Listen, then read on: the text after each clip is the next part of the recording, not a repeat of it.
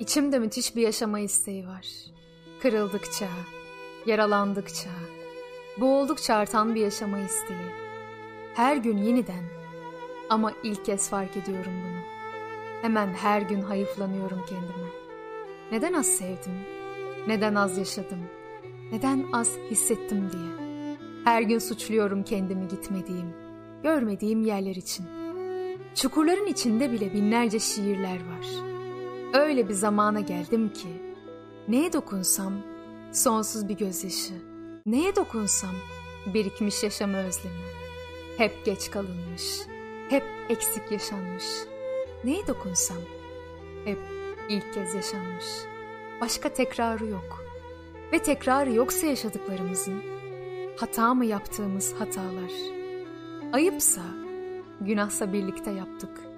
Küçük küçük ölerek kaçamazsın suçlarından. Bu yüzden gittiğin her yer kirli bir hüzün. Her yer eksik bir ölüm olur. Gittiğin her yer o yaban, o uyumsuz, o durmadan kanayan yerin olur. Gittiğin her yer kendinden kaçan ama neyin hasretini çektiğini bilmeyen o yabancı kendin olur. Her şey olmak isterken karanlık bir denizde hiçbir şey olmuşsundur.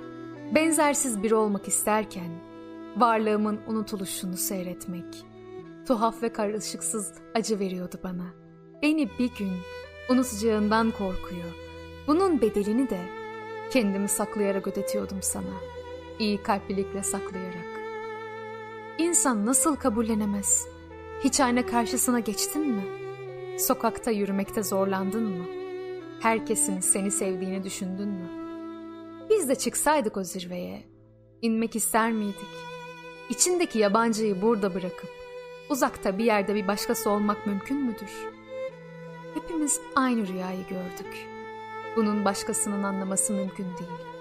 Başka bir lisanla anlatmak gerekirse, dünyaya dokunmaya çalıştıkça kendi boşluğunda, kendi soruları içinde boğulan, mağrur ve kırılgan bir şiir gibiyiz. Çünkü o ne zaman birini derinden sevse, Sevdiği insan onu yaralamıştı. Hayat sadece bunu öğretmişti ona. Seven insanın yaralanması gerektiğini. Seni sevmek, bu kentin tozlu, soluk, soluk ışıkları ruhumu ısıtırken, aynı gecenin yıldızları altında seni deliler gibi özlemekti. Bir kuş çırpınıyor eteklerinde. Alnın sıcak mı, değil mi bilmiyorum. Dudakların ıslak mı, değil mi bilmiyorum.'' Beyaz bir ay doğuyor göğün arkasından. Kalbinin vuruşundan anlıyorum. Nereye gidiyorsun? Beni yeniden hayatın içinde, gerçeklerin ortasında bir başına mı bırakıyorsun? Beni yeniden unutuluş sürgünlerine mi gönderiyorsun? Nereye gidiyorsun?